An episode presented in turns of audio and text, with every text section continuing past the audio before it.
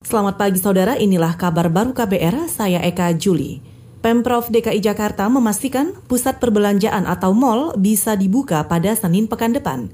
Gubernur DKI Jakarta Anies Baswedan meminta pengelola mall yang akan dibuka mematuhi protokol kesehatan yang ditetapkan, seperti memberi batas pengunjung sebesar 50 persen.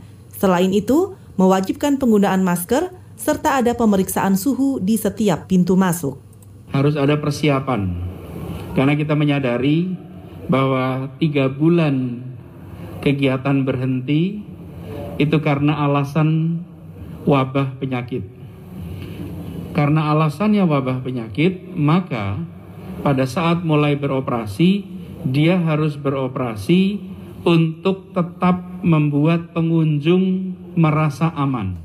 Gubernur DKI Jakarta Anies Baswedan menambahkan, Meski mal sudah ber, sudah boleh beroperasi, namun ada beberapa tempat yang tidak boleh dibuka selama masa transisi pembatasan sosial berskala besar atau PSBB. Di antaranya bioskop, tempat bermain anak, fasilitas kebugaran, pameran atau pegelaran, hingga aula untuk resepsi. Saudara tuntutan satu tahun penjara terhadap penyerang penyidik KPK Novel Baswedan dinilai mencederai rasa keadilan.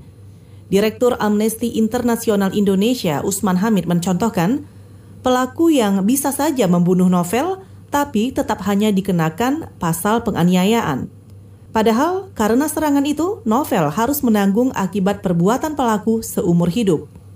Dalam persidangan Kamis kemarin, Jaksa Frederick Adar mengatakan kedua terdakwa bersalah melakukan penganiayaan. Telah terbukti bersalah secara sah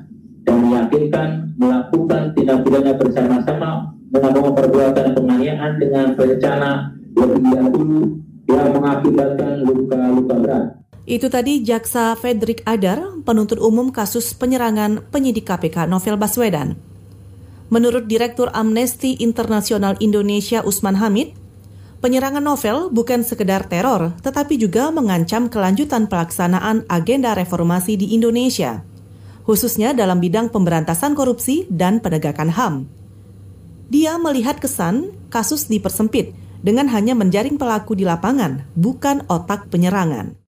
Pengadilan Turki menghukum hampir 9 tahun penjara karyawan konsulat Amerika Serikat. Ia dihukum atas dakwaan membantu sebuah organisasi teroris. Kantor berita Turki Anadolu melaporkan Tofus Kamis waktu setempat dijatuhi hukuman 8 tahun dan 9 bulan karena membantu jaringan yang mengatur upaya kudeta pada 2016. Kedutaan Besar Amerika mengatakan sangat kecewa dengan hukuman itu. Pejabat Amerika yang menghadiri setiap persidangan mengatakan tidak melihat bukti yang dapat dipercaya untuk mendukung putusan bersalah itu. Melalui cuitan di Twitter, ia berharap putusan itu akan segera dibatalkan. Taufus ditangkap pada tiga tahun lalu. Setelah penahanan, kedua negara saling menangguhkan layanan visa. Persidangan ini menjadi sumber ketegangan utama antara kedua sekutu NATO. Saudara demikian kabar baru, saya Eka Juli.